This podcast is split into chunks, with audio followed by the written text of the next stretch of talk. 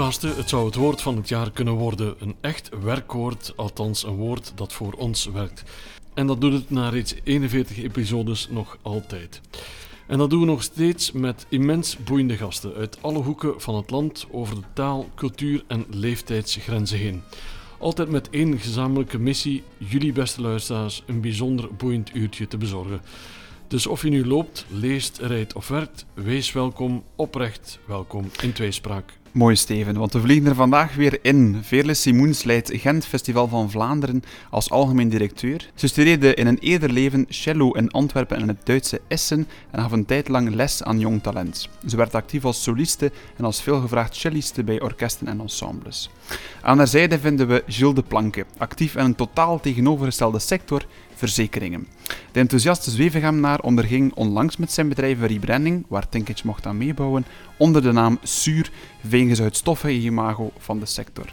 Daarnaast is hij voornamelijk fan van lezen, vloggen en inspireren en superfan van Club Brugge. Twee uitersten, dus we zijn heel benieuwd naar de raakvlakken. Welkom in onze studio. Gilles en Vele, fijn dat jullie er zijn in Kortrijk. Trouwe luisteraars weten het al een beetje. We nemen tweespraak eerder op dan dat we die uitbrengen. Dit is dus niet live. Vandaag is het 21 februari en stort het opnieuw door ons land. Gilles, ik kan me inbeelden dat het voor jou heel drukke dagen zijn geweest. Het zijn inderdaad uh, heel drukke dagen geweest. De mailbox en de telefoon uh, ontploft. We zitten momenteel aan een 75-tal eh, dossiers en dan zijn nog niet alle aangiftes gedaan. Dus uh, inderdaad pittige dagen voor, onze, voor ons team op kantoor. Merk je dat de mensen meteen bellen naar jullie? Voor ze, ik wil zeggen, ik denk eerst als het echt ernstig is de hulpdiensten, maar dat ze ook vrij snel de verzekering opbellen. Denk dat is inderdaad wel goed geweten dat ze heel snel contact met ons opnemen. Dus ja. Uh, ja, daarvan verwittigen ze ons wel heel snel. Ja. Oké. Okay. Vele, heb je schade gehad van de storm? Gelukkig niet. Ik heb uh, net zoals veel mensen soms met open mond naar buiten zitten kijken. Maar uh, gelukkig geen, uh, geen schade, nee. nee. nee. Want het is wel een belangrijke periode, denk ik, dat je er dan op dat moment ook staat als verzekeraar. Want op dat moment hebben de mensen nu het meest nodig, denk ik. Ze hebben ons inderdaad het meest nodig bij schade. Nu natuurlijk bij een storm, zoals dat je zelf aangaf. Wij kunnen natuurlijk zelf geen bomen die omgewaaid zijn gaan wegwerken en nee. dergelijke. Dus in eerste instantie moet alles opgeruimd worden, moet de, moet de storm gaan liggen en moet de schade dan begroot worden. En dan is het aan ons om te zorgen dat die schade snel en correct vergoed wordt voor de klant. Vele drukke dagen voor Gilles. Zijn het ook pittige dagen voor jou de voorbije weken? Ja, uh, in die zin dat uh, ja, bon, uh, de cultuursector heeft natuurlijk zwaar geleden onder de corona-perikelen van de voorbije twee jaar. heel veel ops opschalen, terugschalen, heel veel schakelen tussen verschillende scenario's. Dus er heerst zo'n algemene moeheid van die twee jaar. Maar nu komt het toch wel weer volledig in een stroomversnelling. Dus um, je hebt amper tijd om, om daarover na te denken. En we gaan gewoon naar de volgende edities. Um, wij hebben ook een tweede festival als Gent Festival van Vlaanderen, dat volledig in de Scheldevallei zal uh, plaats hebben. Ik hoop op goed weer. Um, de, tussen, tussen, Antwerpen en Gent gaan wij een nieuw festival uit de grond stampen. Dus dat is uh, ja, heel veel werk op de plank, maar ook wel heel fijn om terug volledig aan de slag te zijn. Heb je het gemist in de voorbije maanden? Goh, uh, ik heb heel veel culturele voorstellingen gemist. Uh, wij hebben zelf harder gewerkt dan ooit. Um, maar um, ja, het deelnemen aan cultuur, dat hebben wij ongelooflijk gemist allemaal. Mm -hmm. ja, alle voorstellingen. Het, uh, ja, waar je normaal gezien een stuk ook um, onthaastingen vindt, mm -hmm. dat, is, dat was helemaal weg. Hè. Ja. ja, en op zich ook. Het is een moeilijke periode geweest, maar nu hopelijk toch naar een zeer goede periode. Laten we hopen dat we zo snel mogelijk naar die code geel kunnen gaan. En we hopen toch wel op een goede zomer, als ik, eh, om het misschien cultuur of niet te noemen, maar Tomorrowland is weer uitverkocht. Dus hopelijk gaan we naar een, een goede zomer, een drukke zomer. Ja, laten we hopen inderdaad dat er niet nog een kink in de kabel komt. Maar uh, bon, ja, uh, we moeten plannen sowieso, we moeten ja. vooruit. Hè. En uh, ondertussen is het toch allemaal een beetje behapbaarder geworden. Dus laat ons inderdaad wel de hoop houden. Hè. Ja. We zijn helemaal opgewarmd. Nog zeggen dat aan de luisteraars dat de, de gasten uh, de vragen op voorhand hebben gekregen. Ik zie velen dat jij je huiswerk een beetje hebt gemaakt. Ik doe dat ook liefst, omdat er um, toch wel een aantal vragen tussen zitten die uh, gaan over, over de, kleine, de kleine zaken in het leven. En ik ben al vrij goed getraind om professioneel, snel en ad hoc antwoorden te verzinnen. Maar zo stilstaan bij die vragen, ik vond het ook heel leuk om daar even mee bezig ja. te zijn. Super. Gilles, heb jij ze voorbereid te vragen of heb je meer zo à la moment? Wel, ik ben, ik, ik, ik ben fan van jullie podcast, dus ik kende Ja. de vragen al van de vorige jaren, maar toen hij ze mij doorstuurde, verschot ik wel dat inderdaad tien volledig nieuwe vragen Ja. zijn. Dus ik heb er inderdaad wel even over nagedacht, maar niet concreet beginnen. Allee, mijn Mhm. eerste zin, bij manier van spreken, weet ik wat ik wil antwoorden en dan Ja. zien we wel waar, het- waar het gesprek toe leidt. We hebben het inderdaad vorige keer gehad over superfans met het boek van Niels van de Kastelen. Dus we hebben ook echt een superfan voor ons, Steven, want Jules heeft elke podcastaflevering al beluisterd van Ik verschiet trouwens dat je zegt de podcast van de voorbije jaren. Ja, maar dat is ook effectief. Episode 41, we zijn begonnen in december 2019. Ja, ziet wel. hè. Ja, dus effectief al. We, zijn, eh, even we worden oud, We Steven. worden oud, dat moet ik dan, ik ging het net zeggen. Goed, we gaan eraan beginnen aan de vragen. En ik eh, stel voor dat we eventjes beginnen met de laatste vraag. Die soms een beetje door de mazen van het net valt. En dat is wel jammer, omdat het wel een interessante vraag is die iets zegt over jezelf. Eh, we laten onszelf kennen aan de buitenwereld, maar sommige dingen laten we liever niet eh, zien. En dat zijn die trekjes, tussen aanhalingstekens, die we liever voor onszelf houden. Heb jij trekjes die je liever niet deelt met de wereld? Ehm, ik, ik kan helaas niet anders dan het delen, maar het is iets dat ik inderdaad eh, eh, van, jongs af aan, van jongs af aan ehm, trill ik. Bibberende handen. Dus ik heb bij mijn geboorte een heel klein, korte periode zonder zuurstof gezeten. Allemaal niet erg. Gewoon veel, hey, het, is, het is het spreken niet waard. Maar uiteindelijk heb ik daar dus wel een eh, trilling in mijn handen aan overgehouden. Ik heb dat al Hans mijn leven. Mijn ouders hebben dat vastgesteld als kind toen ik aan het spelen was met blokjes, dat dat die fijne motoriek is er niet bij mij. Eh, nu, gelukkig heb ik dat ook niet nodig. Ik moet kunnen typen op een toetsenbord en that's it. Eh, maar bijvoorbeeld op, eh, als ik ehm, zenuwachtig ben, bijvoorbeeld, komt dat meer tot uiting.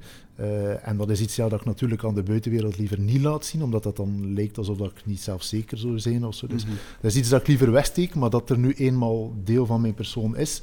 Ehm, maar bon, op sommige momenten is dat dus wel best vervelend als ik Mhm. op, een, op een receptie toekom waar dat er eh, iemand klaar staat met een plateau vol eh, champagneglazen, dan, dan schiet er onmiddellijk in mijn hoofd van, als ik hier nu niet oplet, ligt heel die plateau in de grond. Dus Ja. als ik dan met iemand mee ben, vraag ik van, neem ik er twee glazen? En, allee, de mensen dicht bij mij weten dat en kunnen mij Ja. zo helpen. Dus, ja. Ja, het valt mij op dat vandaag jouw handen niet zo erg trillen. Dus je Omdat bent nog op je niets, ik heb mocht ik nu moeten water uitzenken, zou je het zien. Top. Ja, Ja. oké. Oké. Maar hoeft hier alles is niet te trillen. We zijn er onder vrienden, dus op zich een heel chille podcast.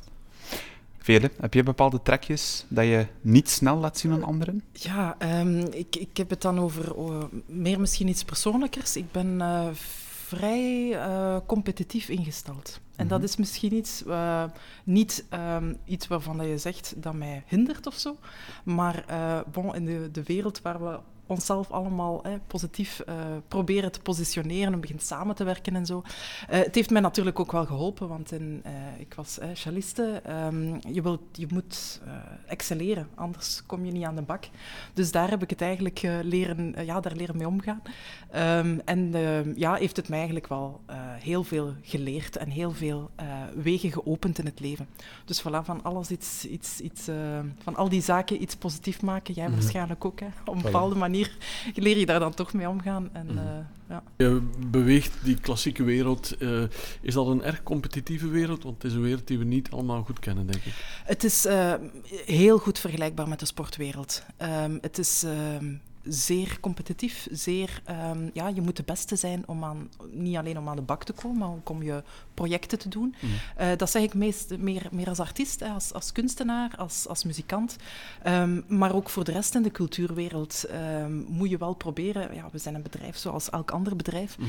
Dus ehm, ja, dat excelleren zit er wel een stuk in, eh, absoluut. Ja. En eh, ja, ook in uw opleiding. Hè. Het is een heel, ja, toch wel harde opleiding. Als ik daar zo terug op, op kijk, van als artiest, ook in buitenlandse conservatoria. Alleen al om daaraan toegelaten te worden. Mhm. er zijn maar een beperkt aantal Mhm. plaatsen, moet je daar toch eh, Mhm. staan. Dus de competitie komt daar ook wel ergens in terug. Absoluut, ja. En dat is ook als student zo. Je leert ook eh, heel hard... Ja, je moet voor jezelf opkomen. Hè. Je Mhm. moet Ja. je plek Ja. echt veroveren. En heeft het jou dan veranderd als mens, denk je? Ehm, ja, maar het was een goede... Allee, het, het was een eigenschap die wat meer verborgen zat en die daar eh, tot uiting is gekomen en die het ook gemaakt heeft uiteindelijk. Mhm. Die, die mij eh, daar ook heeft mee la- eh, leren omgaan met die competitiviteit in die wereld. Dus ja, het heeft, het heeft wel een invloed gehad. Ja. Mhm. Gilles, zit jij eigenlijk in een competitieve wereld, de wereld van verzekeringen? Hoe moeten we dat eh, zien? Ja, absoluut. Als, als verzekeringsmakelaar dan. Ja, er zijn, ik denk dat West-Vlaanderen de provincie is met het meest aantal verzekeringsmakelaars. Dus wij zitten uh, met heel veel competitiviteit. Iedere, ja, iedere polis dat je uitwerkt kan ook door een concurrent bij manier van spreken uh, worden. Dus uh, ja, wij zitten absoluut in een zeer competitief werkveld. Wij moeten altijd wakker zijn en zorgen dat we de beste voorwaarden kunnen, voorwaarden zowel op, op waarborgen als op tarieven, dat we die kunnen bezorgen aan onze klanten en vooral mhm. dat we die kunnen houden. Want het is niet omdat je contract op vandaag onder de beste voorwaarden zit, dat dat binnen twee jaar nog zo is die wereld is zeer, eh, zeer veel in verandering. Dus uh, ja, we moeten wakker zijn. Maar dat vraag ik mij wel af. Je zit in een wereld waar de mensen eigenlijk je liefst zo min mogelijk horen. zeker als verzekeraar. Dat ze je zo min mogelijk nodig hebben, zeg maar. Voor een schadegeval of voor een update. Hoe hou je dan toch die vinger aan de pols bij je klanten? Zorg je daarvoor een bepaald opvolgpressipe of hoe gaat dat concreet in Wij zitten, want de, de, de grote, het, het grote werk zeg maar, zit in de KMO-klanten. Dat is ook onze, onze focus met ons kantoor. Dus wij hebben daar wel de bedoeling om daar jaarlijks zeker een keer mee samen te zitten. Bij mhm. bepaalde bedrijven soms zelf meer, omdat die in zeer veranderende uh, werkomgevingen zitten. Dus het is zeer belangrijk om, om jaarlijks uw dossier te overlopen met de klant en te kijken van ja, uw kapitaal dat we hier verzekeren, brandverzekering voor uw gebouw, om nu maar eens te zeggen ja, is dat nog altijd hetzelfde? Of heb je bijvoorbeeld bepaalde machines bijgekocht in mm. je fabriek? Dat, moet altijd goed up-to-date zijn. Dus wij zorgen wel mm. uh, daarvoor dat we dat jaarlijks contactmoment hebben. En daarnaast, door de, door de oefening dat wij nu gemaakt hebben met de rebranding en het lanceren van nieuwsbrieven en zo, probeer ik dat ook uh, te, allez, op te mm. En dan heb ik uiteraard nog mijn sociale media waar dat ik uh, enorm op inzet. Dus ik probeer heel veel tips te delen via YouTube, via mijn Instagram en dergelijke. Omdat je zo toch top of mind blijft bij de mensen die je volgen. Ja. Want uh, velen maakten dat net een mooie vergelijking met de sportwereld. Dat is een wereld die jij wel goed kent. Kan je ook die link trekken tussen de sport en, en de wereld waarin jij je begeeft? Daar zie ik niet onmiddellijk een link dat ik zou kunnen trekken met, uh, met de sport. Nee.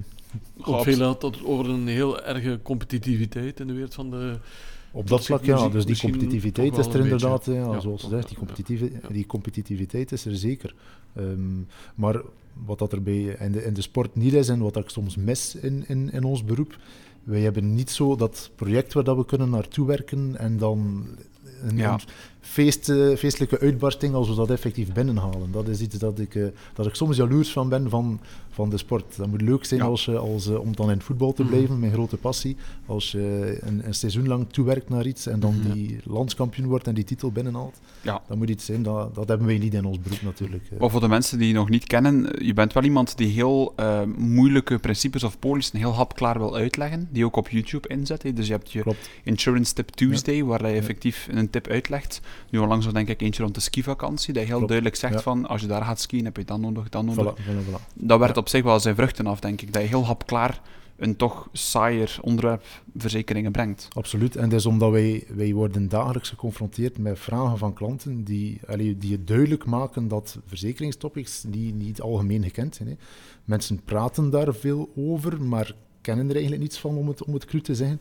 Dus dat was inderdaad mijn insteek drie jaar geleden nu ondertussen al. Toen ik ben begonnen met mijn YouTube-kanaal en dat ik zoiets had van, ik wil de vragen die wij dagelijks binnenkrijgen van klanten, die wil ik gaan verwerken in, in content, want dat zullen niet de enige klanten zijn, of niet de enige mensen die dergelijke mhm. vragen hebben. En die wil ik inderdaad duidelijk gaan uitleggen, bepaalde verzekeringstopics, waar dat iedereen onder ons mee kan in contact komen. En als het nu niet is, dan is het misschien binnen vijf jaar. Ja. ja. Vele sociale media, hoe belangrijk zijn die in jouw wereld als je dat vergelijkt met de wereld van Gilles?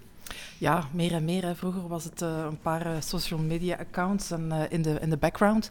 Terwijl nu gebeurt heel veel communicatie met uw publiek via die weg, maar ook met uw artiesten. Um, dus tijdens het voorbije festival bijvoorbeeld hebben we daar extreem veel op ingezet. Ook na afloop van alle concerten. Je merkt dat artiesten zelf heel veel delen, hè, wat ze meegemaakt hebben. We zijn in Gent Festival geweest, maar we spreken echt over heel grote namen. met heel veel achterban achter die, ja, hun fans. Um, ja, dat is een ongelooflijk extra publiek dat je daardoor bereikt. Mm. Um, dus daar, uh, ja, meer en meer zetten wij daarop in. Uh, we hebben ook uh, ons publiek proberen, ja, om het te zeggen, um, proberen vastnemen op die manier. Hè, van, van wie op welke manier uh, leidt het ook tot ticketverkoop of is het enkel storytelling? Zo van die zaken. Hè, Van mhm. hoe gaan we daar verder mee om? Um, het is een heel boeiende wereld die ook constant in verandering is. Dat hebben we ook geleerd. Uh, we merken dat bijvoorbeeld Facebook voor ons heel belangrijk is geworden. Uh, de Instagram stories overdag om het publiek up-to-date te houden. Um, maar evengoed, ja, die heel, dat hele website gebeuren. Vroeger was alles een brochure. Hè, alles kreeg, kreeg de muziekliefhebber in een brochure toegestuurd, mhm. bleef op de salontafel liggen. Ja, die tijd is voorbij. Hè. Nu, nu is dat... Dus ik vind het wel fijn om, om die, die digitale shift die er overal is, om daar voluit uh, mee in te stappen. Ja, kan ik alleen maar aanmoedigen ook, alles die met communicatie te maken heeft. Oké, top. Um, dan stel ik voor dat we doorspoelen naar de volgende vraag. En die gaat over um, ontroering. Ontroering is iets belangrijk, um, is iets dat we hopelijk allemaal wel hebben. Maar we zijn curieus aan de ene kant, wie of wat kan je diep ontroeren? Vele. Ik zal misschien bij jou beginnen. Um, wel, daarnet had um, Gilles het hier over Victory. Een, een, een, ploeg of, of, een, of, of een artiest hè, die toewerkt naar een bepaald uh, concert of naar een bepaalde overwinning. Uh, als het dan allemaal lukt, als het allemaal um, in, in, in, in de plooi valt, uh, de hele inspanning, de hele opoffering die eraan vooraf is geweest, dat is een ongelooflijke ontlading. Dat is niet alleen voor de uitvoerder zelf of voor de ploeg of dergelijke, maar ook voor die entourage, uh, voor fans en dergelijke. Dat kan me echt ontroeren. Zo'n moment ja. van victory waar eigenlijk ja, de hele wereld uh, staat in vuur en vlam, of je eigen wereld staat in vuur en vlam.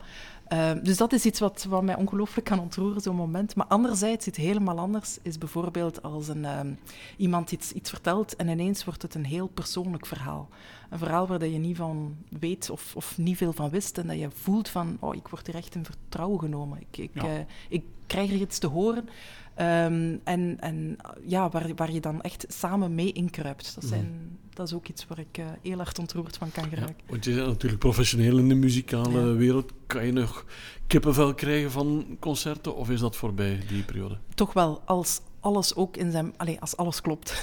Want inderdaad, ik doe heel veel concerten. Ik ga heel veel prospecteren, overal gaan kijken. En eerlijk gezegd na een tijdje begin je wel te shiften. Hè. Dat, dat kan niet anders. Een beetje ja, de, de, je, job die daarin in meespeelt. Uh, dit is bruikbaar, dit is niet bruikbaar. Dus je begint heel uh, efficiënt te worden. Maar een, een topuitvoering die helemaal ja, die raakt in het binnenste van uw ziel, ja, dat uh, gebeurt er wel nog. En meestal echt in, in een zaal waar je het samen met andere mensen beleeft. Mm -hmm. als, je, als je voelt, ik had dat ook als ik op het podium stond, als die temperatuur volledig goed zit, de, de, de, uh, waar je voelt van ik, ik beweeg hier iets en mensen voelen wat ik voel of voelen wat ik wil dat ze voelen. Ja, dat, is een, dat zijn magische momenten, maar die zijn niet zo dik gezaaid. Mooi. Ja, dus muziek die ook ja. echt, echt raakt. Gaan we ja. het straks nog uh, over hebben. Graag. Gilles, diepe ontroering. Is het iets voor Gilles de Planken? Ik wil misschien eerst keer inpikken uh, uh, op die magische momenten. Want dat is inderdaad iets, naast voetbalsupporter ben ik ook enorme techno-liefhebber. Dus uh, I Love Techno vroeger, Tomorrowland uh, hebben we ook al aangehaald.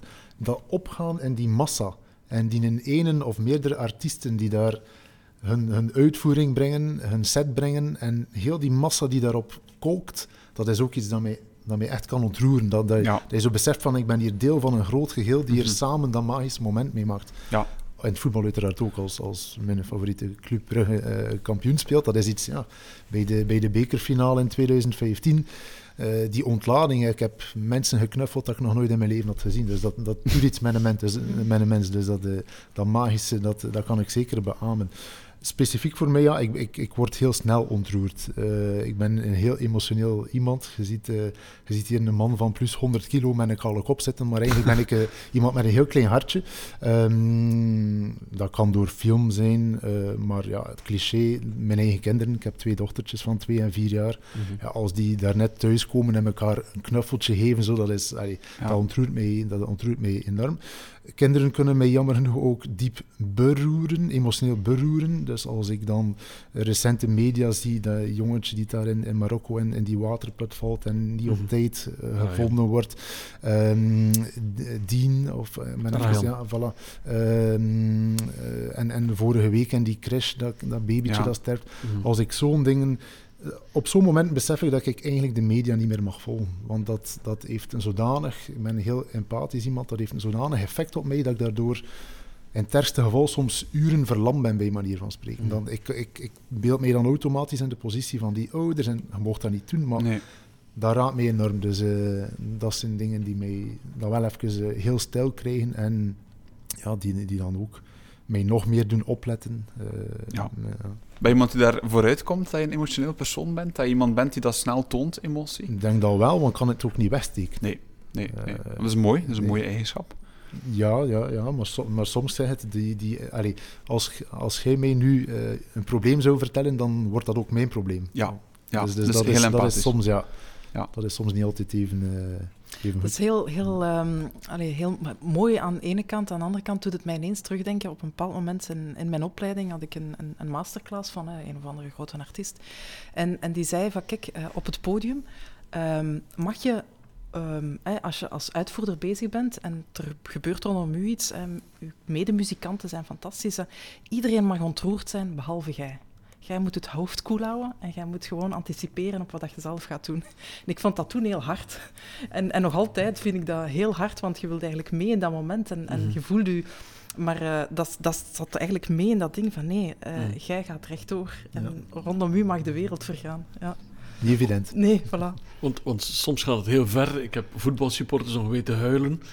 Toen een ploeg won, kan je daarin komen? Kan je Absoluut, absoluut, absoluut. Ik heb het ook al gehad. Eh, ik, ik ga dan weer refereren naar, eh, naar die bekerfinale van 2015. Dat was, Club Brugge had toen jaren van, eh, van slechte resultaten achter de rug. Ik heb een abonnement sinds 2008. Eh, in 2007 hebben ze nog de beker gewonnen, maar van 2008 tot 2015 was het het grote niets met zeer teleurstellende resultaten.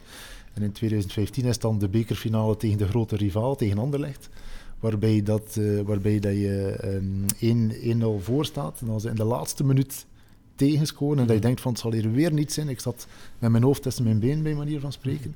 En dan in de, in de toegevoegde tijd, in de 92e minuut, een fantastisch doelpunt van, van, van Club. Waardoor dan ze toch winnen en toch die eerste prijs sinds dat ik actief ga. En, en dat, Ja. als je niet... Als je niet in die voetbalsupporterswereld zit, is dat heel moeilijk om te begrijpen. Maar wij, hebben, wij, hebben- wij vlogen drie rijen vooruit en omhelsden iedereen die we tegenkwamen. Nog een keer mensen Ja. dat, we, dat we nooit zagen. En, en in, het, in het naar buiten wandelen liep ik naast een, een vader die zijn zoontje mee had, van een jaar of zes schat ik. En ik, ik heb naar dat manneke gekeken en gezegd van, deze avond vergeet je nooit van je leven meer. En, Mm. en, en dat is, dat blijft zodanig hangen, zo'n magisch moment. ja. Diepe ontroering zit in heel veel, Steven. Dat is mooi. Ja, vind ik ook. En we gaan een beetje nostalgisch worden, als dat mag, want dat is ook een ontroering en een emotie.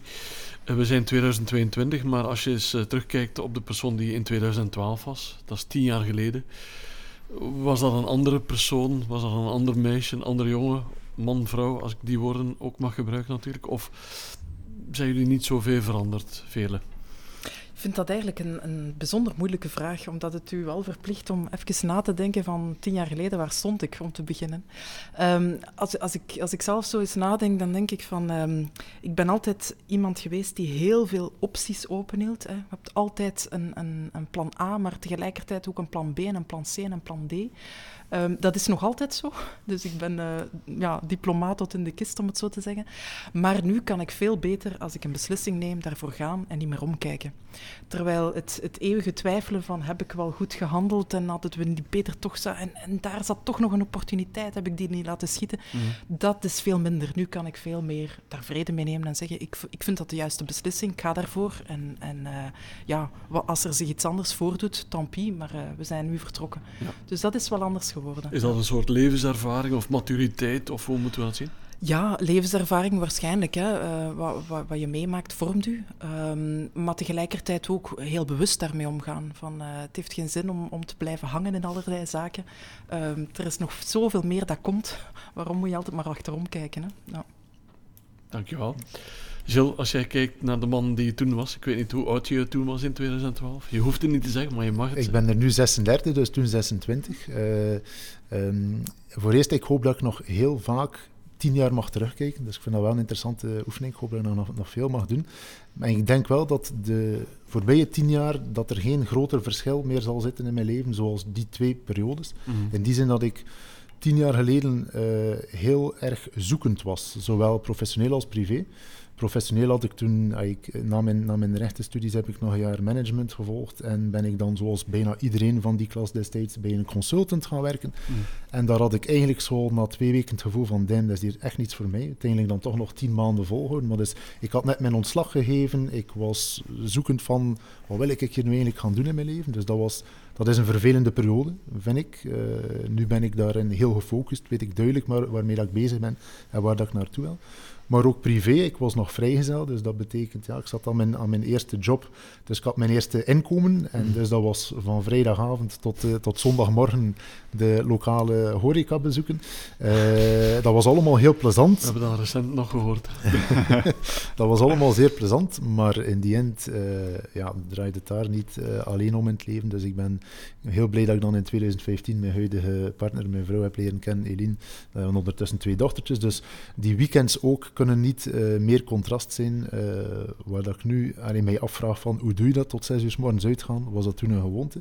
Uh, maar nu kan ik veel meer genieten van rustig in de zetel en een film met het gezin of met mijn vrouw. Ja. Mm. ja. Is dat een beetje herkenbaar, het leven vele van Gilles? Of zeg je, dat voor mij zag er helemaal anders uit? Ik, uh, ik herken het niet echt. Nee. ik, ben, ik ben wel een, een paar keer. Uh, het is dan meer bij het, het, vieren van, van, van bepaalde successen dat je, dat je uit de bol gaat. Maar ik heb een, een vrij. Uh, zeker, want uh, dan was ik ook nog chaliste op dat moment, tien jaar geleden. Um, een vrij gestructureerd leven. Hè. Ik bedoel, het moet er staan, hè, ja. no matter what. En je werkt op momenten dat andere mensen mm -hmm. freetime hebben. Hè, want zij komen naar uw concert. Ja. Ja. Dus een vrijdag en een zaterdag en een zondag was net hard werken. en dan okay. had ik wel eens een weekend op maandag of zo. Maar dat is inderdaad hetzelfde niet. Ja. Ja. Nee, maar op zich, want je spreekt het uh, uur, zes uur uit, waar hij misschien vroeger uitging tot zes uur, um, Gilles, sta je nu bijvoorbeeld op om zes uur. Klopt, dus ja, het is, het is al, ja, allemaal een beetje geshift. het is omgedraaid. Um, wat op zich ook wel belangrijk is om stil te staan bij, de, bij die uh, veranderingen. Lukt dat goed voor jou, vroeg opstaan? Absoluut, ja. Ja. Ik ben uh, eerder een vroege vogel qua, qua productiviteit dan. Dus ik kan beter werken s morgens vroeg. Ik vind dat een magisch moment. Uh, zes uur is zelf, ik zou dat eigenlijk zelf nog wel willen vervroegen. Mm -hmm. Omdat de wereld slaapt nog, hij zit bezig. Ja. Er komen geen telefoons binnen, er komen geen WhatsAppjes binnen. Nee. Iedereen Zalig. is nog uh, aan het slapen en hij kunt ja. ding doen. Dat is uh, de enige niet gestoorde periode van de dag. Mm -hmm. S'avonds heb ik dan minder. Er zijn er heel veel die dat ook s'avonds doen, maar mm -hmm. s'avonds is het bij mij uh, lezen kan ik dan nog doen, maar niet, -hmm. niet, meer, niet meer echt actief werken. Ja, want lang geleden vroegen we aan de gasten of ze ochtendmensen waren of avondmensen, velen. Hoe zit dat bij jou? Uh, bij mij echt een avondmens. Toch, ja, ja. ja. Ik, uh, en zeker als er deadlines zijn, dan durf ik echt de nacht door te werken. En dan om vier, vijf uur, als de vogeltjes beginnen te fluiten, de computer toeklappen. Um, We kunnen ja, elkaar aflossen. uh, ik, ik, ik vind het wel, ik, ik deel wel het, het, het idee van s ochtends, uh, vooraleer het de wereld in gang schiet, dat het een, een heel rustig moment is. Ik heb altijd goede voornemens om ook heel vroeg te beginnen, maar ik, uh, ja, ik doe het altijd om zeep door lang te blijven werken. Dus ja, ik heb het altijd Ik vind ook niet dat je dat moet doen. In die zin, iedereen, iedereen moet mm. dat doen op het moment dat hij het best doet. En s'nachts heb je net hetzelfde magische moment. Ja, hè. Ja. Er, is, er is niemand bezig, er mm. kan u niemand storen. Dus, ja. Nee. ja. Het is inderdaad een, een, gewoonte, denk ik. Hè. Je hoort heel weinig mensen die en vroeg opstaan en laat werken. Dat het op zich ook niet echt haalbaar is. Mensen moeten nog slapen. Ik ben er zelf een beetje jaloers op. In de zin van zo'n ja. nacht doorwerken, dat heb ik nog nooit kunnen. Zelf niet als student. Ik had zo wat medestudenten die... Mm -hmm. die die, die, die smiddags opstonden om dan door te doen tot de gat in de nacht. Dat heb ik nooit, uh, nooit gekund. Nee, ja. belangrijk dat we ons eigen ritme goed herkennen. We hebben het gehad, um, veel en Gilles, over bepaal, bepaalde favoriete uren om op te staan. We leven ook in een heel snelle wereld, een, heel, een wereld waar we heel veel deadlines moeten halen, late momenten, vroege momenten. Maar ik vraag me dan af, hoe ga je om met stress? Of beter nog, hoe onthaast je? Ik zie je knikken, Gilles. Ben je bezig met onthaasting? Heb je een bepaald moment dat je zegt van, het is nu weekend, hup, alles aan de kant... Het is nu echt tijd voor het vrouwen en de kindjes. Ja, ik moet zeggen dat ik voor eerst niet echt een stresspersoon ben. Dus uh, okay. ik, heb, uh, ik vind dat een gave van mezelf. Ik sta zelden onder stress. Um, ik weet nog dat mijn medestudenten daar altijd jaloers op waren destijds. Als ik aan een examen toekwam, dat ik goed gezind was. Ik had zoiets van, oké, okay, laat het ons maar doen. Omdat ik uh, heel sterk kan relativeren. In die end, als je er niet door bent, in, eh, in januari of in juli, dan ga je er wel door zijn in september. Of in het slechtste geval dit keer opnieuw het jaar nadien. Dus. Eh, eh, maar dat is nu qua studies. In het algemeen stress ik dus niet veel. Maar natuurlijk, we werken wel veel. dat is een feit. en om te onthaasten, ja, zoek ik eigenlijk voornamelijk de kleine dingen op. En dat is in het weekend inderdaad een keer rustig iets eten met, met Eline, een keer met de kindjes naar, een speel, naar een speelplein wandelen. Mm. dus eigenlijk meer in de kleine dingen dat ik dan mijn, mijn onthaasting vind. Uh, eigenlijk ook, ja, in, in, in, om er terug op terug te komen, voetbal en, en concerten. Uh, dan wel andere concerten dan degene waar je nu uh, actief bent. Maar uh, als een technofeuf, ja, dan kan ik wel een keer het beste van mezelf geven. Alles dan nu natuurlijk weer al meer dan twee jaar geleden. Ja, oké. Ik denk dat veel mensen jaloers zijn op jou omdat je inderdaad vrij stressloos door het leven gaat. Hè. Het is een vraag die al een tijdje meegaat. En bijna iedereen heeft daar wel last van, denk ik, van stress. Dus je bent een uitzondering op de regel. Chapeau wel. Blij om, ja, absoluut. Ja, dat zal wel zijn. En nooit een moment dat je dan een bepaalde deadline hebt of een bepaald dossier in moet... Ja, ook, ja dan, dan loop je wat... Ja, dan zijn er misschien wat gespannender, maar echt stress zo van... Als ik dat vergelijk bijvoorbeeld met mijn pa, van wie dat ik de zaak heb overgenomen destijds, uh, die, die had dat wel. Die kon, uh, die kon als er uh, bijvoorbeeld een, een klant, allee, we, we, winnen er heel veel, maar je verliest soms ook een keer in, die kon mhm. er echt van wakker liggen. Dat heb ik nog nooit in mijn leven gehad. Maar. Ik heb altijd zoiets van, ik ga dat gaan analyseren. Hebben wij hier een fout gemaakt? Zelden, allee, gelukkig is dan niet te veel ja, het antwoord daarop. Als dat wel het geval is, dan kan ik gaan zeggen van, hoe kunnen we ervoor zorgen dat we dat in de toekomst niet meer tegenkomen? Hebben we geen fout gemaakt en is de klant om welke reden dan ook weg, ja, dan, dan ga ik daar echt niet voor gaan wakker liggen. Dat, ja. Uh, nee. ja.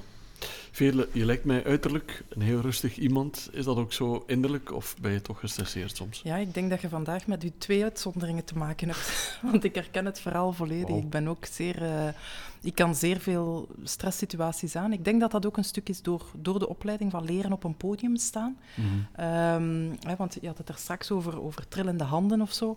Um, ja, dat zijn ook de, de in, in, in uh, situaties van stress, hè, waar mensen of, of klamme handen of, uh, of, of uh, ja, zweten of weet ik veel wat. Mm -hmm. En dat moet je toch op een bepaalde manier allemaal onder controle krijgen. Um, maar het is wel ook zo in, in, in uh, uh, periodes van ultieme stress dat ik de rustigste van de hele hoop word. En dat ik die analytische geest wat jij vertelt, dat is ook beginnen analyseren van hoe kunnen we dat hier en, en afwegen mm. en dergelijke. Bijvoorbeeld nu in, in het laatste festival, uh, pas tien dagen voor het festival kregen wij bericht dat wij mochten doorgaan. Maar er staan wel 150 concerten op de planning mm. om die binnen de tien dagen allemaal klaar te krijgen. Dat was dag en nacht werken. En ja, ik, ik spring daarin. En ja, het, ik vind dat op dat moment zelfs plezant is een groot woord, maar toch om dan het, het schip op koers te houden, dat mm -hmm. vind ik heel, heel fijn. Om dat, ja. Is dat een soort adrenaline dan op, op dat moment die je vooruit drijft? Dat speelt daar een beetje in mee, ja. Um, en ook het feit, en ik denk dat dat een beetje ja, van, van het onthaasten, hoe, hoe doe je dat dan om, om stressvrij te zijn? Ik slaap bijvoorbeeld goed hm. houd vasthouden dat dat zo blijft. maar op die momenten, dan denk ik ook, nu wordt er geslapen. Ik kan, hm. hè, als er zo doorgewerkt wordt bijvoorbeeld, ik had het nog onlangs, uh, deadline, ja, bon, ik had uh, een beetje te lang uitgesteld. Om zes uur s ochtends was het dossier binnen en om negen uur moest ik in een belangrijke meeting zitten. Dan ben ik twee dagen op voorhand bezig om die mindset zo te krijgen van kijk, er gaat moeten geslapen worden tussen zes en negen, punt. Dat zal het zijn. En dan gaat het de rest van de dag moeten doorkomen. Mm. En dan zit die, ja, ik, ik geloof heel hard dat de, de mind enorm sterk is. Hè, als, als je training en, en, en um, allee, als je daar genoeg op traint. En bon, dat was ook zo. Ik ging om zes uur in dat bed gaan liggen. Ik sliep direct en om negen uur ping wakker. Knal aan de dag beginnen. Dus ik, ik, um, dat heeft waarschijnlijk ook te maken, dat is ook aanleg. Hè, want mensen, de stresskonijnen, zoals dat ze zeggen, mm. ik denk dat, die, dat, die, uh, ja, dat dat niet lukt. Maar toch kun je, kun je daar wel in trainen. Daar geloof ik wel in. Ja. Is dat ook een vorm van relativeren? Het viel mij op, Gilles, dat je zei van... Als ik er niet door ben in, in juni, dan uh, kijk ik voor september. Ben ik ja. er niet door, dan doe ik mijn jaar opnieuw. Ja. Ik, kan ik, kan, ik doe dat eigenlijk bij quasi alles. Bij elke tegenslag dan hou ik mezelf voor dat je niet heel ver moet bladeren in de krant om een situatie van iemand ja. tegen te komen die het erger ja. heeft. Dus daarom relativeer ik heel veel. Ja, absoluut. Om ook terug trouwens in de vorige podcast van Bout Bru, dat was ook iets dat hij zei, ik relativeer heel snel. Dan ging het ook even over de overstromingen in de. Dat is dan iets moeilijker natuurlijk om te absoluut, relativeren. Ja, ja. Maar ik vind dat wel een mooie eigenschap. Dat je heel rap kan zeggen van ik analyseer dat zo en ik... Want ik vraag me dat wel af. Ja, je zegt van ik ben iemand die een beetje high speed leeft, die effectief die deadlines en die uh, kortere nachten. Waar vinden we je dan als je niet werkt? In een in een bos, in een hangmat, eh, met een boek in de hand? Of? Ehm, in, een, in een bos, ja. Ja. ja. Liefst nog aan de zee. Oké. Ja, gewoon wandelen, wandelen, wandelen tot, het er, eh, tot alles eruit is en het hoofd weer leeg is. Ja. Te weinig, zeker nu, deze dagen. Maar, eh, ah, want je moet er dan toch tijd voor maken. Maar dat is eigenlijk wel, ja, daar kan ik enorm van opladen, van een, van een wandeling. Ja. Hm, Maar nu zou je weg, wegwaaien. Ja, dus- Ja, een 150 per uur de duinen in. Dus dat is misschien minder, Ja. minder handig. Ik vind het wel ook straf, want mijn sector, denk ik, leent er zich, allee, leent er zich makkelijker toe dan, dan uw sector om zo stressvrij door het leven te gaan. Want ik kan me inbeelden, als je met bepaalde concerten zit, het zal wel al een keer voorgevallen zijn dat er een bepaalde artiest de dag of, of slechter nog Ja. een uur op voorhand afzegt. Ja. Ja. Dan weet ik niet of dat ik zo stressvrij zou blijven. Ja. Ah, Wel, maar het is eigenlijk een beetje hetzelfde. Wat ik altijd vraag je af, wat, wat kan er nog erger fout lopen? En dat is veel op dat moment. Dus dan denk ik, ja, je springt daar gewoon in en inderdaad, je zorgt voor een, een vervanging last minute. Ehm, er zijn altijd zijn er oplossingen en altijd kan het erger. Dus ehm, Mhm. ik, ik zeg dat ook vaak als, als, als er een team hè, is, eh, een, een, een paniekmoment is, hè, want dat gebeurt heel vaak. Van nu komt alles samen en alles loopt fout. We hadden iemand hè, die ziek was, die het podium niet meer opgeraakte. Tegelijkertijd was er een document van eh, de verzekering niet in orde voor het podium dat gebouwd was buiten. Belangrijk. Eh, ja, voilà. Ehm, en dan, dan was er nog ja, een publieksopstropping. Er was een grote file. De mensen geraakten niet op tijd op het concert. Allee, alles liep eigenlijk fout. Mhm. En dan nog kan je zeggen, ja, zijn er doden of gewonden? Nee. Ja. Voilà, exact. hè? Ja. Ja, super belangrijk ook, want zoals hij zegt, heel mooi trouwens, er is altijd een situatie die erger is. Het is ook vaak gewoon de stress van een taak of een deadline en niet iets persoonlijk of iets met de gezondheid. Dus mooi eh, dat dat aanhaalt. Dat is een gedachte die ik zal meenemen. Kijk eens in een krant en twee bladzijden verder ga je altijd wel Ja. iets zien dat, dat Ja. erger is. Hè? Zeker. Mooi. We hebben allemaal vragen in ons leven en op sommige krijgen we snel een antwoord en op andere moeten we zelf het antwoord zoeken. Dat gebeurt ook wel eens. Zijn er in jullie levens eh, vragen waarop je heel graag wel eens een antwoord zou willen krijgen, ooit, Veerle?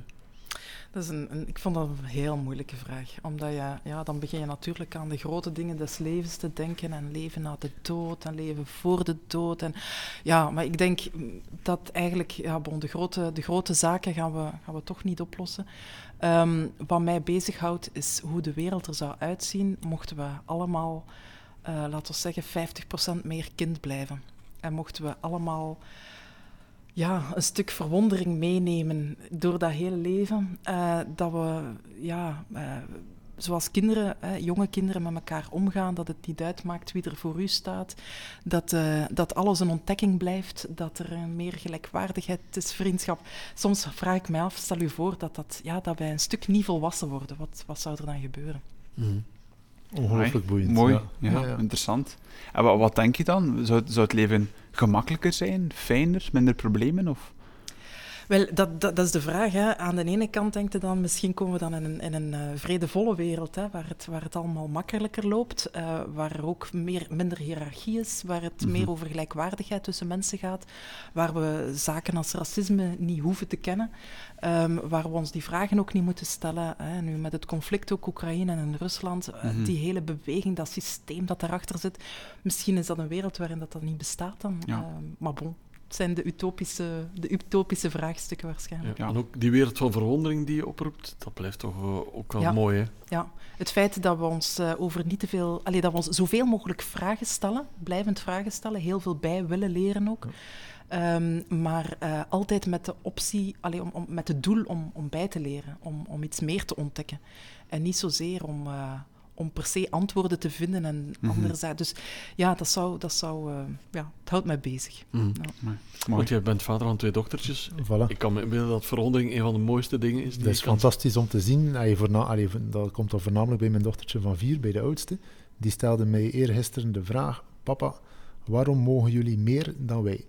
Ja. En dan sta je daar natuurlijk als, eh, als vader om, ja, oké. maar ik vind dat fantastisch dat ze aan vier jaar, dat ze dat al door heeft, dat ze al dergelijke vragen begint te stellen. Maar dus inderdaad, die verwondering, die brutale eerlijkheid ook. Mhm. Een Ja. kind zegt waar dat op staat en, eh, en, en nooit iets filteren. En dat Nee. is, eh, dat is, daar kan je soms een keer in eh, schaamtelijke situaties mee komen, in, eh, in een winkel bijvoorbeeld. Mhm. Maar eh, dat, is, dat maakt het wel plezant. Ja. En dat verliezen wij ergens onderweg. Ja. Mhm. Wij verliezen ergens onderweg om te zeggen waarop dat staat en gaan ons in bochten wringen. Mhm. Ik merk dat veel bij mezelf ook. Dat dat ik Eh, het klassieke voorbeeld, iemand die u uitnodigt voor iets, eh, dat, kan, dat kan een etentje zijn of dat kan een of ander event zijn, waarin dat je eigenlijk geen zin hebt. En dan ga je, ofwel ga je het toch doen, maar eigenlijk met niet echt veel zin, ofwel ga je zoiets gaan uitvinden waarom dat je het niet wilt doen. Terwijl dat we eigenlijk toch zo'n perfect moet kunnen zeggen van, ik heb daar geen zin in, ik kan het niet doen. Ja. Maar dat is in onze wereld komt niet altijd, eh, komt niet altijd eh, dankbaar, allee, wordt niet altijd u- in dank afgenomen. wat u zelf meestal? Je de persoon die iets gaat uitvinden? Of ga je soms ook gewoon zeggen, sorry, maar... Eerlijk gezegd ben ik degene die dat niet zo uitvindt. Dus Ja. eh, dat ik dan zo, ja. Zoals Ja. veel mensen. Ja. Is dat ook niet zo'n beetje de ingesteldheid dat dat moeilijk is voor ons? Van echt te zeggen van, ja, sorry, maar nee ik heb echt geen is zin. heel Ja. moeilijk. Nee zeggen is heel moeilijk. Ja. Kan jij dat bijvoorbeeld wel, Veerle? Dat je zegt van, sorry, maar ik heb echt geen zin? Of ga je ook iets uitvinden van, oh, ik heb nog zoveel werk? Of... Nee, het is een goede vraag. Ik, ik ben niet de persoon die iets gaat uitvinden, denk ik, maar eh, ik ga er wel rondom walsen ook. Ik ga niet zeggen van ik heb geen zin om u te zien, of, of nee, ik, ik zou het misschien op een andere manier doen, maar eh, ja, een kind inderdaad, als, als, als ze op de speelplaats rondlopen en ze hebben geen zin om met kind B te spelen, zeggen ze gewoon, ik heb geen zin om met u Ja, te spelen, voilà. punt. Ja. En ja, eigenlijk is, is er niks makkelijker dan zo met elkaar omgaan. Hè. Eh, Ja. Willen, willen pleasen, dat is een... Ja. ja, Ja. dat is een- een J- moeilijke Jullie hebben in elk geval geen nee gezegd tegen onze uitnodiging. En daar zijn we heel blij om. Nee, Ik had niets gevonden, ik vond niets. Jill, als er een vraag is waarop jij dolgraag een antwoord zou willen krijgen, welke vraag zou dat dan kunnen zijn? Ik zou graag een keer kunnen vooruitkijken naar, eh, naar onze planeet. Ik ben nu niet onmiddellijk de meest, de meest groene jongen, maar het is wel overduidelijk dat we met een klimaatprobleem zitten. En meer bepaald, ik zou graag een keer het antwoord hebben op de vraag van hoe, hoe kunnen we dat nu goed oplossen? In de zin van, wij zijn nu met veel dingen bezig, wij zijn nu elektrische wagens aan het kopen en dergelijke, maar is dat effectief hetgeen dat zal bijdragen tot? eh, dus eigenlijk zou ik willen weten, binnen 100 jaar, hoe zou men ons op vandaag adviseren? Zijn wij, zijn wij met de juiste dingen bezig om dat probleem op te lossen? Of zitten we er eigenlijk totaal naast? En gaan ze Mhm. binnen 100 jaar zeggen van, die elektrische auto's, dat heeft niets uitgehad. Of die windmolens, wat dachten ze daarmee te bereiken? Of, dus dat is wel iets dat mij, dat mij bezighoudt, omdat dat toch een probleem is. Ja. Eh, waarbij dat ik vroeger niet zozeer stil stond. Dat ik zoiets had van, ja, wat gaan wij hier in ocharme België, een, een, een stipje op de wereldkaart, wat gaan wij hier gaan, gaan helpen aan, aan dat probleem op te Mm. lossen? Ehm, dus dat ik graag een keer zou weten van, Mm. Wat, wat kunnen we eigenlijk eh, goed doen om het opgelost te krijgen? En wat denk je zelf als je eerlijk en kritisch zou kunnen zijn? Ik denk dat het het grootste probleem bij de, bij de industrie ligt, maar ik ben daar altijd een beetje voorzichtig mee. In die zin, als er één regel is dat ik mezelf opleg, is van praat niet te veel over zaken waar je eigenlijk niet van af weet. Dus ik ken, ik ken heel weinig van het probleem. Maar ehm, ja, ik denk dat toch, bijvoorbeeld om terug te komen op die auto's, ja, als wij hier al onze vervuilende wagens gaan omruilen voor, voor groenere wagens, is dat een goede zaak. Maar natuurlijk, als je ziet dat die vervuilende wagens gewoon op een boot gezet worden naar andere delen van de wereld om daar verder, rustig, eh, om daar verder eh, te tuffen, dan vraag ik me af van ja, in welke mate los je dan iets op? Of verleg je het gewoon het probleem? Mhm, dus, ja. Is dat iets wat jou ook eh, bezighoudt en raakt? Ja, ongelooflijk op dit moment. Hè. Eh, je hebt natuurlijk de volledige klimaatbeweging. Eh, wij gaan er zelfs een volledig nieuw festival rond, rond maken.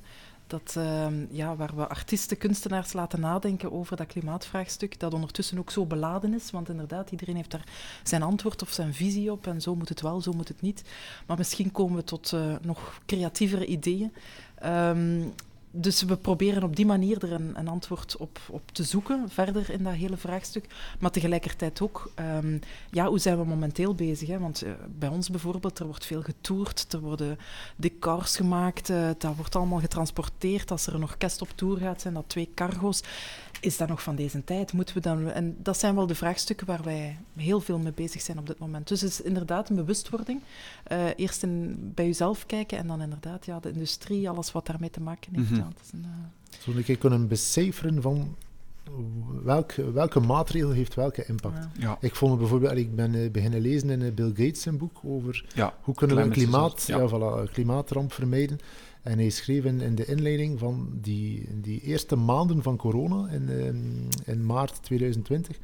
Dus ja, de wereld lag plat, er werd niet meer gevlogen, er werd, allee, er werd niets meer gedaan. En toch was de CO2-uitstoot allee, belachelijk weinig gezakt. Dus dan, dan hey, waar, waar Ja, zit het al wel? het weet je? Dus ja, dat, ik vind dat frustrerend dat, er, dat zo'n groot probleem, dat dat heel moeilijk uitgelegd wordt aan mensen die er eigenlijk niets van kennen, zoals ik. Maar wij moeten wel allemaal ons gedrag veranderen om het op te lossen. Dus Ja. daar zou er betere en duidelijkere communicatie moeten kunnen op, komen. Oké. Dat is perfect.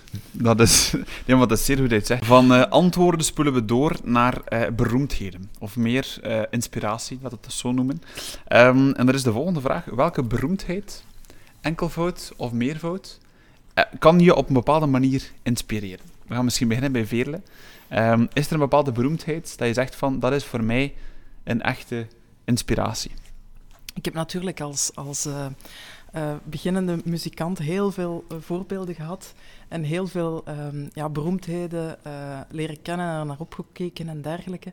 Maar nu op dit moment is het eigenlijk, ehm, ja, als ik zonder inspiratie zit en als ik zo niet goed weet, hè, ehm, wie, wie moet ik, wie, ik zit een beetje vast of het een of het ander, dan kijk ik eigenlijk vooral naar mensen die totaal uiterste zijn van mezelf. Mensen die extrovert zijn, die een beetje ook dat ongebreidelde hebben. En ehm, ik kijk bijvoorbeeld zeer graag naar iemand als eh, Ricky Gervais. Dat is, ehm, die kan soms heel grof gebekt zijn natuurlijk. hè, en, en, maar toch, we hebben het er straks gehad over gewoon zeggen wat je denkt.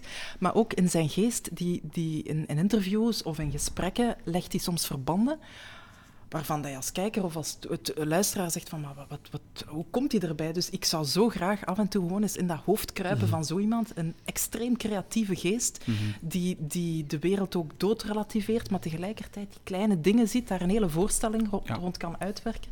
En die ook ehm, bijvoorbeeld nu een, een, een, nieuwe, een nieuwe reeks gemaakt heeft, waar hij ook over donkere dingen kan spreken. Ja. Het gaat nu over de, de serie op Netflix.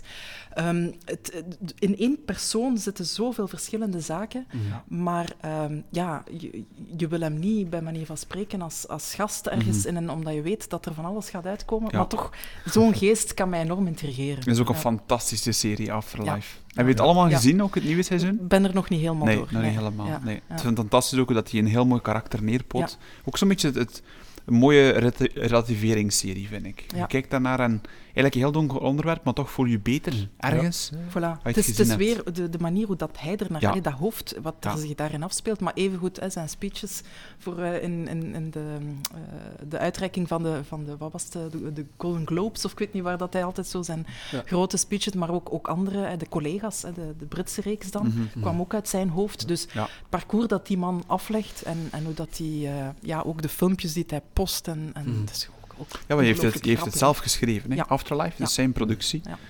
Eh, ze- en ook heel herkenbaar, ergens wel, vind ik. Ik vind dat een beetje gelijkaardig bij eh, Hans Theeuwen. Die heeft ook, allee, die vind ik, schitterende humor, hoe dat hij op bepaalde dingen komt in zijn eh, conferences, vind ik fantastisch. Maar daarnaast durft hij nogal een keer eh, de bocht te mesten, eh durft hij Ja. nog een keer grof uit de hoek te komen. Mm. Maar eh, ik vind wel ook een fantastische komiek. Heb je zo'n bepaalde beroemdheid, Jill, dat je inspiratie uithaalt? Of dat je zegt van, dat vind ik wel een belangrijke persoon, dat je toen ik naar opkijkt? Of, eh, Naar opkijken zeker, dan, dan, voor mij dan meer vanuit de ondernemerswereld. Eh, ik, ik sta bijvoorbeeld enorm versteld bij wat dat Elon Musk eh, doet in, in zoveel diverse takken. Zowel in zijn space, SpaceX als bij PayPal destijds, als Tesla. Allee, hoe dat één persoon zo, zo, zoveel ongelooflijk sterke bedrijven kan, eh, kan opzetten, dat, dat vind ik fantastisch. Eh, ook in de sport, ik ga het niet weer over voetbal hebben, maar bijvoorbeeld in, in Formule 1, eh, Lewis Hamilton, daar heb ik, ay, dat vind ik, vorig jaar waren al mijn kennissen en vrienden die, die Formule 1 van nabij volgen, enorm fan voor Max Verstappen, omdat ze een keer de, de underdog wilden. Terwijl dat ik dat eigenlijk net fantastisch vind. Iemand die al zeven wereldtitels heeft, die mijn leeftijd is en die eigenlijk ja, honderden miljoenen op zijn rekening heeft staan. Dus eigenlijk voor de rest van zijn leven rustig op een strand kan liggen en nog vele generaties na hem, die, hem toch, die toch zijn beste seizoen ooit rijdt. Om, om zich zo te weren en toch die achtste titel nog wilt. En dat altijd maar beter willen Ja. eh, worden. Terwijl je eigenlijk al alles hebt gewonnen dat je kunt winnen. Hm. Het valt mij eigenlijk op dat jullie ook mensen kiezen die ander tegen de schenen durven schoppen. Ook, hè. Hans Theeuwen doet dat, zeker Ricky Gervais ook wel. Mensen hebben dat wel nodig om een... Ja, waarom eigenlijk? Waarom kijken mensen naar dat soort van figuren op? Voor mij is het nu puur over het, uh, over het sportieve. Niet, en niet zozeer omdat hij tegen schenen stamt, uh, Lewis Hamilton, bij, bij Hans Theo. Maar daar kijk ik nu niet echt naar op. Dat vind ik gewoon een zeer goede ja. komiek dat ik graag in zijn shows mm. van zie. Maar inderdaad, ja, Elon Musk durft ook een keer uh, uit de bocht te gaan. Mm.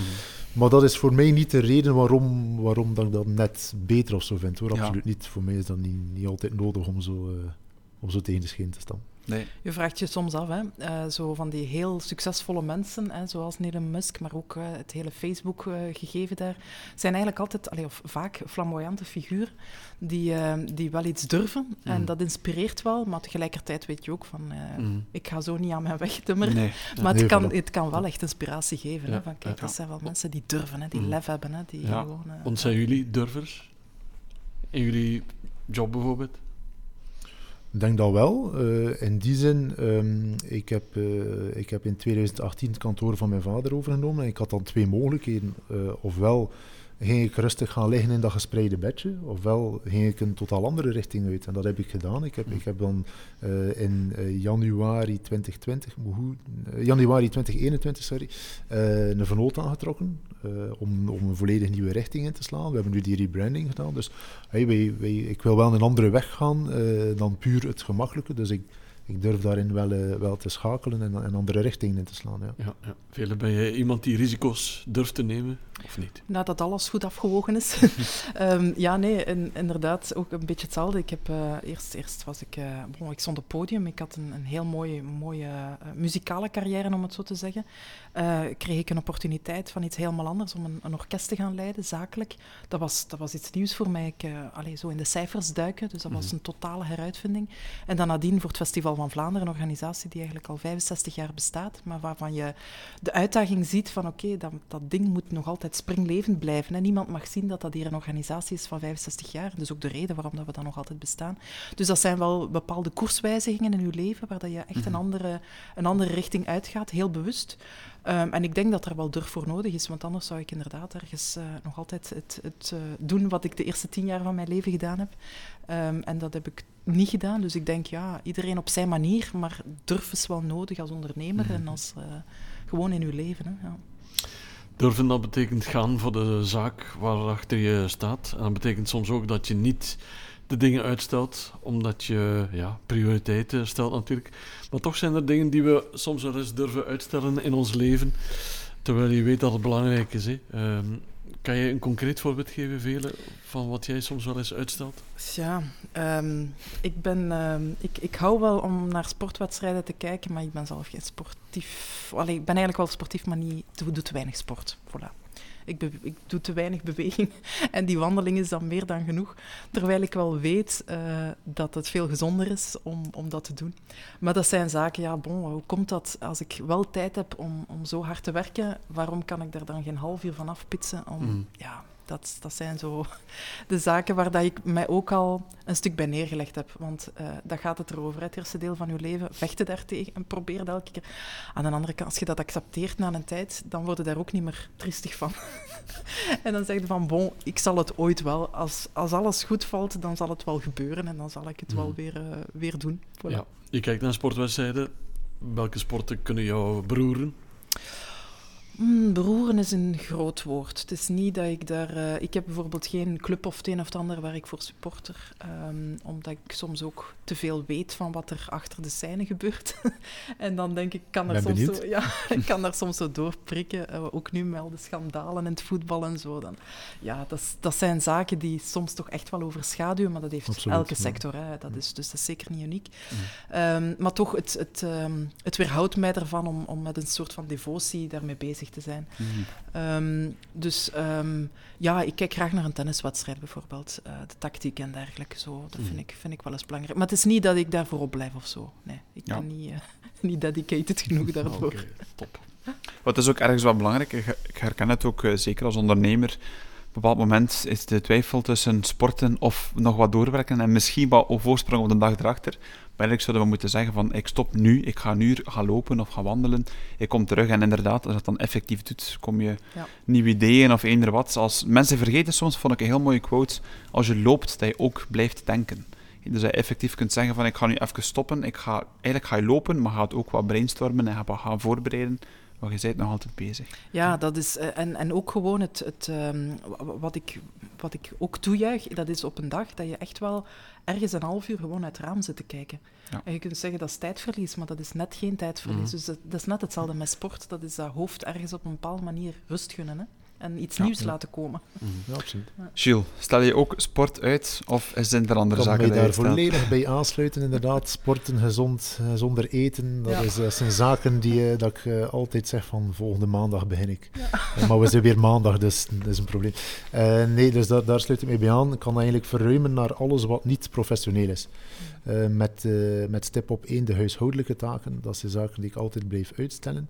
We zitten in onze hang bijvoorbeeld met eh, de twee lichten die gesprongen zijn. Al, ik durf niet zeggen hoe lang geleden, maar al lang geleden. En eh Eline vertikt het om het deze keer zelf op te lossen. Dus zegt ze, "Ga- doe jij dat nu maar een keer. Maar ik heb altijd wel iets waarom dat ik zeg van, ja, nu heb ik geen tijd om naar die doe-het-zelf te gaan, om die lamp te gaan uitzoeken en om Ja. die te gaan vervangen. Dus we zitten al even met eh een donkere hang. Een donkere hang. ik hoop dat Eline luistert en dat hij verplicht zijn, om het volgend weekend op te lossen. Had niet anders kunnen. Ik denk dat er weer iets gaat zijn. Dan, Nee, maar uitstelgedrag, eh, Ja. het is iets die heel belangrijk is ook ergens. Ik heb altijd gehoord dat het ook ergens belangrijk is om zaken te blijven uitstellen, want het is goed voor je long, eh, long-term list. Ben je iemand die dat ook erkent van jezelf, maar je zegt niet professioneel? Dus professioneel doe je wel echt alles heel minutieus en stel je weinig uit dan. Professioneel ben ik minutieus, maar kan ik ook, kan ik ook uitstellen om... Ik heb een zekere, een zekere druk toch nodig om, om goed te presteren. Ik denk dan vooral weer terug naar mijn studietijd. Ja. Als ik in, eh, in de examens zat en ik had tien dagen voor mijn volgende examen, dat was een ramp voor mij. Die eerste Ja. twee dagen deed ik, deed ik niets, maar wel met die merken dat ik zo plicht, eh, plichtsbewust was liever om op mijn bureau te gaan zitten, om twee dagen in die boeken te zitten staan, maar eigenlijk niets te doen. Ja. En dat is achteraf bekeken jammer. Dan had ik eigenlijk beter twee dagen in het park gaan liggen en, en, en een boek lezen of een keer echt ontspannen om er dan in te vliegen. Ja. Dus dat heb ik wel nodig, die, eh, toch een beetje dat er, eh, dat er tijdsdruk achter zit om, Ja. eh, om alles Ja. in orde te krijgen. Want mijn grootvader zalige die zei altijd, stel niet uit wat je vandaag kan doen. Mm. Heb jij dat ook ergens uitgehangen in jouw kantoor of zo? Ja, dat is, dat is zo. Hè. Het, het- ik denk dat het eigen is aan de mens om, om, om de zaken die je wat minder leuk vindt, om dat zo, Ja. zo lang mogelijk op die, eh, voor je uit te schuiven. Hè. Ik herken het heel hard ook, ook als student. Ik was altijd de man of de vrouw van de last minute eh, zaken. Hè. Acht, eh, nu nog, hè, als er een dossier moet binnen zijn. Het komt altijd in orde, maar ik ben degene die een groot dossier binnenstuurt. Hè. Als de deadline 12 uur s'nachts is, is dat 23 uur 59. Gegarandeerd. En elke keer denk ik, nu niet. Ook eh, gelukkig heb ik nu wel wat collega's die dan, maar toch in die end is het, is het die laatste vijf Net minuten. op tijd. Ja, ja. Ja. Oké, we gaan het eh, hebben over kleine gelukjes, of laten we zeggen gelukjes die je intens blij maken. Dat kunnen heel stomme dingen zijn misschien. Ehm, ik zie veel al knikken. Ehm, heb je zo van die kleine gelukjes die je intens blij maken?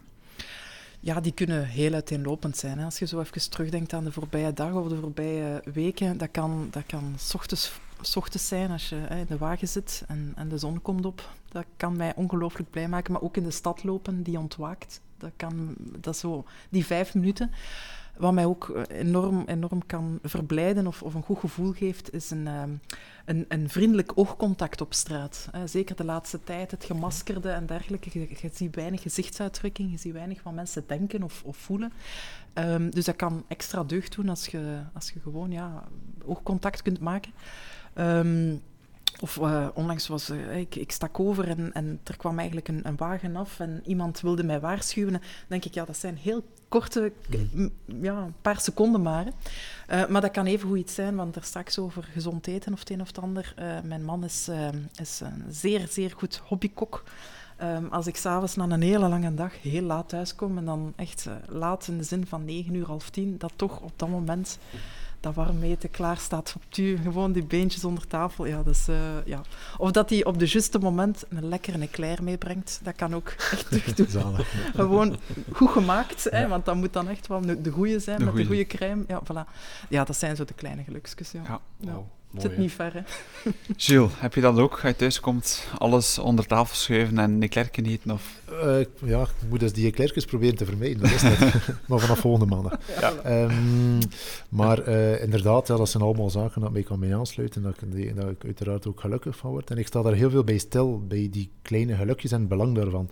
in die zin dat ik er mee te volle van bewust ben dat dat net de essentie is van geluk in ons leven. Ja. Die kleine zaken, die, die alledaagse zaken, een, een wandelingetje met ons, met ons kindjes mee in de, in de week achter ons, uh, een keer gaan eten met vrienden en met familie, Mhm. uh, de zondagavond in de, in de zetel kruipen en een film kijken. Dat, uh, die kleine gelukjes die zodanig alledaags zijn, dat ze bij manier van spreken vanzelfsprekend worden, maar ze zijn niet vanzelfsprekend, Ja. want we worden ook al een keer geconfronteerd in onze omgeving met mensen die ziek worden, die sterven. Die, allee, dus ik, ik sta er wel heel veel bij stil Mhm. dat ik op vandaag een zeer gelukkig man ben door al die kleine dingetjes die, eh, die samenvallen en dat we kunnen doen. En heb je dat altijd gehad? Want je hoort wel eens zeggen dat mensen veranderen als ze kinderen krijgen en dat dan anders bekijken.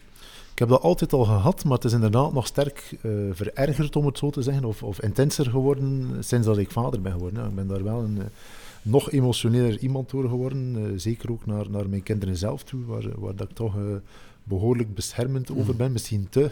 Mm. Eline noemt mij altijd papa pas op, dus ik moet, moet, daar ook mee opletten dat ik niet te, te beschermend ben, maar ja, dat is zeker een feit. Ik vond het beeld van de stad die ontwaakt, vond ik wel heel mooi en sterk.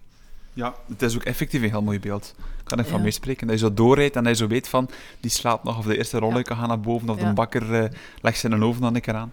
Van een fantastisch moment. Ik vind ook trouwens heel mooi dat je zegt, het is een beetje de essentie, denk ik, van geluk, dat je erbij stilstaat. Dat je beseft, want, ja. allee, vroeger bijvoorbeeld heb je veel mensen die iets doen, een bepaalde activiteit of een wandeling, en pas achteraf beseffen, eigenlijk was dat een goede wandeling.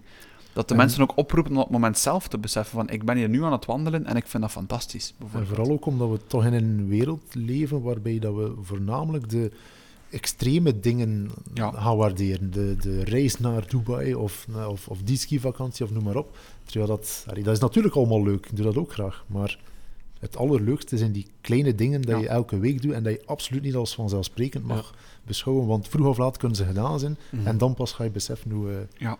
hoe leuk Zoals het knikje dat jij kreeg toen je overstak. Hè? Ja, voilà. Zo, ik denk dat dat ook wel iets is dat, dat we misschien de laatste twee jaar ook wat meer zijn beginnen appreciëren. Mm -hmm. Omdat die Absoluut, grote dingen wel wegvielen. Dus we konden niet anders dan gelukkig zijn met die kleine gelukjes.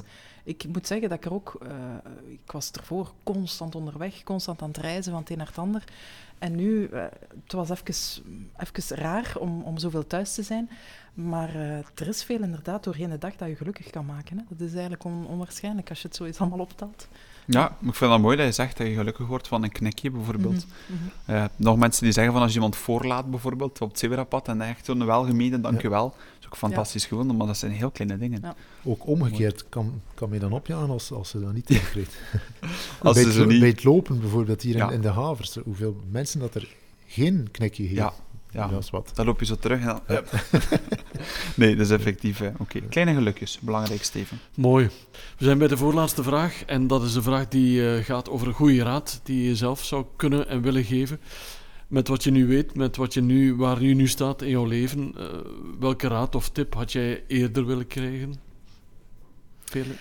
Um, ik ben als, als, als muzikant heel veel bezig geweest met... Um, met, met je lichaam, hè, want uh, alles, alles uh, moet kloppen en, je bent constant bezig met, met uh, net zoals een sporter eigenlijk, van op de juiste moment te pieken hè, naar, naar een concert of naar een uitvoering. Um, dus je, je hebt ook heel veel hè, het studeren doorheen de dag, soms tot 8, 9 uur per dag, waardoor dat je lichaam enorm veel belast wordt. Dus het is een constant balanceren tussen opbouwen en, en terugnemen. Um, en naar, ja, als, als, er dan toch een ontsteking of, een, of, een, of, of iets is dat dan, dan niet meer lukt. Om, om dan... En ik moet zeggen, ik ben dan altijd bezig geweest met, met spieren en gewrichten. En pas onlangs heb ik eigenlijk beseft, door verder ook na te denken en te lezen en dergelijke, dat er ook zoiets bestaat als uw zenuwstelsel. En dat er eigenlijk zoveel gebeurt hè, vanuit de hersenen, wat er eigenlijk aangezet. En ik ben daar als, als student of, of zelfs nadien in mijn, in mijn carrière nooit mee bezig geweest. Als ik ergens pijn had, ja, bon, een pijnstiller en, en door. Of, of net niet, beginnen rusten. En, en, terwijl dat er zo'n een, een volledig ander, um, ja, laten we zeggen, um, niveau is in uw lichaam, waarbij bijna niet mee bezig zijn. Uw zenuwstelsel, hoe dat u dat beïnvloedt, ook uw mentale uh, weerbaarheid en, en, en, en uh, het stresslevel hadden we daar straks al over. Um, ik ben daar onbewust veel mee bezig geweest, maar nooit uh, beginnen op dezelfde manier onderzoeken alsof ik als, als de rest van mijn lichaam, om het zo mm -hmm. te mhm. zeggen. Als ik ergens een spierontsteking had of, of, of een gewricht, of, of we hebben allemaal wel een keer na het lopen of het een of het ander een, een, een, iets, iets dat, dat niet meer in, in orde zit. Mm -hmm er is nog zoveel meer. En het is iets heel fysiek natuurlijk, hè, maar die balans tussen lichaam en geest is ja. zo belangrijk. En ja, ik had daar veel eerder over willen geweten hebben. Mm -hmm. En zou je dan sommige dingen anders aanpakken? Waarschijnlijk wel. Ik zou, denk ik, als, als, als student en als in mijn opleiding veel meer gedoseerd hebben. Uh, terwijl dat ik nu soms uh, gewoon ging. Ik had ook op een bepaald moment een, een, leraar die zei van, van cello spelen, dat is eigenlijk niet meer of niet minder dan uw pijngrens verleggen. Dus elke keer meer en meer als je 20 jaar bent of 18 jaar bent en je neemt dat letterlijk, ja, mm -hmm. dan rijd je zelf de vernielingen eigenlijk. Mm -hmm. hè. Um, terwijl had ik, had ik toen iemand gehad die daar op een andere manier uh, mee omging. Um, pas op, uiteindelijk doe je dat wel, hè, maar het is, het is, je moet het zelf ontdekken en, en met vallen en opstaan. Mm -hmm. um, dus had ik daar toen meer mee bezig geweest, had ik, had ik waarschijnlijk uh, ja, soms niet zo hard met mijn gezicht tegen de muur geknald. Nou. Oké, okay. daar word je sterk van. Voilà, absoluut. Ja. Jill, met wat je nu weet, zijn er dan dingen die je eerder had willen weten? Eerdere raadgevingen of tips die jou tot een ander mens hadden kunnen maken? Uh, om, uh, om altijd in uzelf te geloven en u niet te laten ontmoedigen door de gevestigde waarden, zal ik maar zeggen. Dan kijk ik vooral terug naar mijn, naar mijn schooltijd, naar uh, het einde van middelbare, middelbare onderwijs. Waarbij dat, ik deed toen economie moderne talen. Dat, dat was niet de toprichting, maar eens wat. Uh, maar toen dat er zo naar het einde van dat jaar toe uh, in de klassen door de leraars gevraagd werd van hey, wat gaan jullie doen volgend jaar? Toen dat ik zei van ik wil rechten gaan studeren, dat was, dat was de teneur zo van oei, ja, Gilles, ja, uh, dat zal misschien wel moeilijk zijn. En, uh, en, en dat was iets algemeen. Uh, het CLB die ook heel veel, dat was toen nog PMS, denk ik, ik weet niet, maar de, de organisatie erboven die dan zo heel veel ging gaan temperen, enthousiasme gaan temperen. Wij waren, denk ik, met, ik zeg het, nu van buiten, met twintig leerlingen in die klas, waarvan dat er drie naar de universiteit door ging. En ik zeg absoluut niet dat iedereen moet universiteit gaan studeren, maar dat was toen zo wat de teneur van, ja, dat gaat moeilijk zijn en dat gaat niet gaan. Terwijl dat ik dan ondervonden heb van, als je ergens je tanden in zet, dat het meestal wel lukt. Um, dus ging ik daardoor andere zaken gedaan hebben? Misschien wel. Ik heb rechten gestudeerd, ik heb getwijfeld om uh, TEW te doen, om toegepaste economische wetenschap te doen, maar ik heb dat toen niet gedurfd, omdat mijn wiskunde niet zo sterk was. Maar achteraf bekeken ging dat misschien wel gelukt zijn als ja. ik mij daar echt had uh, op toegelegd. Uh, om, om, om een keer even in de, in de cultuurrichting te gaan. Ik moet dan ook altijd denken aan de broers achter Tomorrowland. Ja, die, zijn, die waren denk ik na hun eerste twee edities failliet. Mm. Ik denk dat er ook veel mensen gaan gezegd hebben tegen hen van dat gaat niet gaan. Dus hadden zij daar zich bij neergelegd, dan hadden we ons sterkste uh, exportproduct uh, in België vandaag niet. Dus in die zin heb ik echt zoiets van tegen jonge mensen als je voor iets wil gaan, doe ja. het. En laat je alsjeblieft niet ontmoedigen door mm. ouders die je in een andere richting willen duwen. Mm. Of door instanties die u, mm. die u klein willen houden. Een soort ja. de volhouder wint, als het ware. Of, uh... ja, natuurlijk ook niet altijd, maar ik vind het jammer dat, dat het bij het begin zo ontmoedigd wordt. Probeer het. just en, do it mentaliteit. Voilà. En ook weer dat relativeren. -hmm. Wat kan er gebeuren als het, als het niet lukt? -hmm. Mooi. Mooi, mooi, mooi. Sterk. Dat brengt ons bij de laatste vraag um, van deze avond. En dat is een vraag die ik persoonlijk nog altijd heel leuk vind. Die gaat over een, boek, een liedje of een film. Maar voornamelijk eentje waar je een persoonlijke of een herkenbare band mee hebt. Dus we pikken er even eentje uit. Ik zal een beginnen bij jou, Jill. Heb je een bepaalde film, een bepaald boek of een liedje of allemaal? Dat je zegt van daar heb ik echt een persoonlijke of een sterke band mee. Als het dan echt die persoonlijke of sterke band is, dan ga ik naar naar het boek gaan. Uh, en dan meer bepaald uh, Crushing It van uh, Gary Vaynerchuk. Die is voor degenen die hem niet kennen, dus social media guru, denk, denk ik, van de States. En die heeft dus dat boek geschreven in 2018, waarin dat hij eigenlijk schrijft dat om, om uw idee te verkondigen, wat dat je ook doet in de wereld, of dat je verzekeringen verkoopt, of concerten wilt verkopen, of burgemeester wilt worden ergens, je moet eerst je boodschap kunnen overbrengen aan mensen. En uh, daarvoor moet je de aandacht van de mensen hebben. En de aandacht zit vandaag op de gsm. Dus zijn idee in, die boeken, in dat boek is eigenlijk van... Gebruik social media voor wat dat je dan ook wil doen om de mensen te bereiken.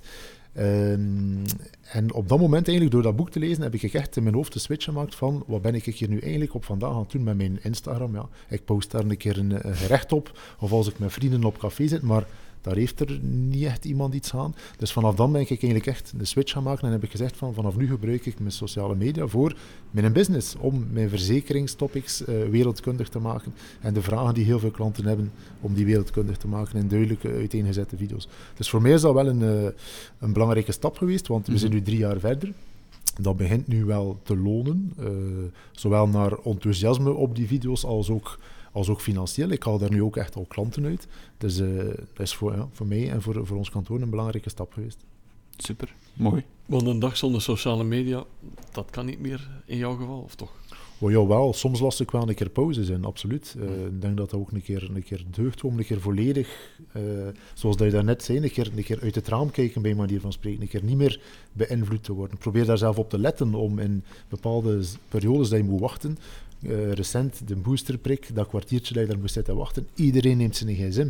Ik heb de laatste keer heb ik dan een keer zitten rondkijken en, en weet, dat, dat toen ik keer, dat toen ik keer deugd. Dus ja, ja, probeer daar ook wel af en toe pauzes in te lassen, maar ja, ja. ik gebruik het inderdaad wel veel. Veerle, Jules haalt een boek aan. Is voor jou een, een boek of een film of een bepaald liedje belangrijk?